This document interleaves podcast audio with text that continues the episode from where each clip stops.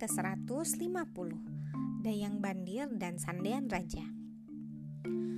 Dahulu di Sumatera Utara ada dua kerajaan. Kerajaan itu bernama Kerajaan Timur dan Kerajaan Barat. Alkisah, raja dari Kerajaan Timur menikah dengan adik perempuan raja dari Kerajaan Barat. Suami istri itu dikaruniai seorang putri yang cantik. Putri itu bernama Dayang Bandir Tujuh tahun kemudian, sang putri dikaruniai adik laki-laki. Anak itu diberi nama Sandean Raja. Keluarga kecil itu hidup dengan bahagia. Namun, kebahagiaan mereka tidak berlangsung lama. Sang ayah, raja dari kerajaan timur, meninggal dunia. Setelah beberapa hari, pihak kerajaan berkumpul. Mereka rapat menentukan pemimpin kerajaan. Dalam hal ini, Sandean Raja belum bisa menjadi raja karena usianya masih muda. Akhirnya, yang menjadi raja adalah Paman Karaeng. Paman Karaeng menjadi raja sementara sampai Sandean Raja dewasa. Paman Karaeng memiliki sifat serakah. Dia memang sudah lama ingin menjadi raja. Dengan menjadi raja, dia bisa mengambil upeti dari rakyat dengan seenaknya.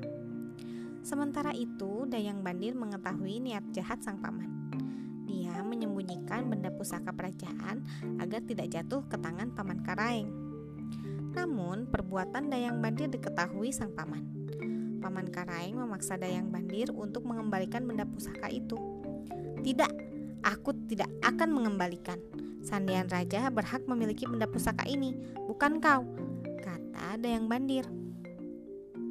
Jika kau tidak mau mengembalikannya, aku akan membunuhmu, ancam Paman Karaeng. Dayang Bandir pun tidak takut. Mengetahui hal itu, Paman Karaing sangat marah. Dia kemudian membuang Dayang Bandir dan Sandian Raja ke hutan. Di hutan, Dayang Bandir diikat di atas sebuah pohon tinggi. Sandian Raja mencoba memanjat untuk menyelamatkan sang kakak, namun tidak berhasil. Sandian Raja yang masih kecil hanya bisa menangis terseduh-seduh. Jangan bersedih adikku, jika kau lapar, makanlah buah yang ada di hutan ini. Jika tidak ada, makanlah pucuk daun yang ada di sekitarmu, kata Dayang Bandir. Selama diikat di atas pohon, Dayang Bandir tidak diberi makan oleh Paman Karaeng. Akhirnya Dayang Bandir mati kelaparan. Kini Sandian Raja hidup seorang diri di dalam hutan. Tahun demi tahun berlalu, Sandian Raja sudah tumbuh dewasa. Suatu malam, dia bermimpi bertemu dengan kakaknya.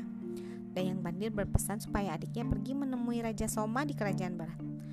Raja Soma adalah paman Dayang Bandir dan Sandian Raja. Sandian Raja akhirnya keluar dari hutan untuk menemui Raja Soma. Setelah berhari-hari menempuh perjalanan, akhirnya Sandian Raja pun sampai di kerajaan barat dan menemui Raja Soma. Maaf Baginda, saya adalah Sandian Raja, putra mahkota di kerajaan timur, kata Sandian Raja. Raja Soma terkejut mendengar ucapan Sandian Raja. Kabar terakhir yang dia dengar, kedua ponakannya itu telah lama meninggal. Tapi kini ada seorang pemuda yang mengaku bahwa dia adalah keponakannya.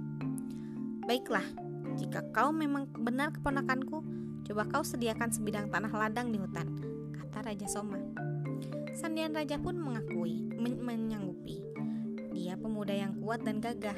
Dengan mudah, Sandian Raja menebang beberapa pohon di hutan. Kini terciptalah sebidang tanah lapang. Tapi Raja Soma tidak percaya begitu saja. Dia lalu mengajukan syarat kedua. Sandian Raja harus membuat rumah bolon atau istana besar untuk raja. Sandian Raja kembali menyanggupi. Dalam waktu tiga hari dia berhasil membuat rumah bolon. Kau benar-benar pemuda hebat.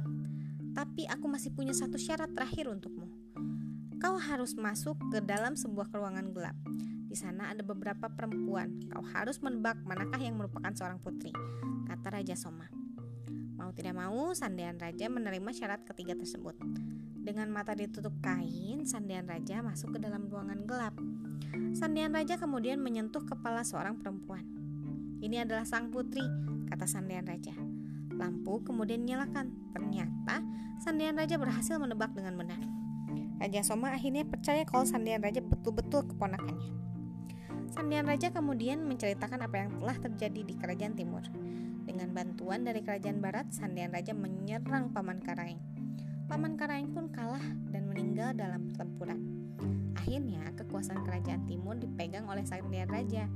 Dia pun dinobatkan menjadi raja. Sandian Raja memimpin kerajaannya dengan adil dan bijaksana. Sekian, terima kasih telah mendengarkan. Selamat malam.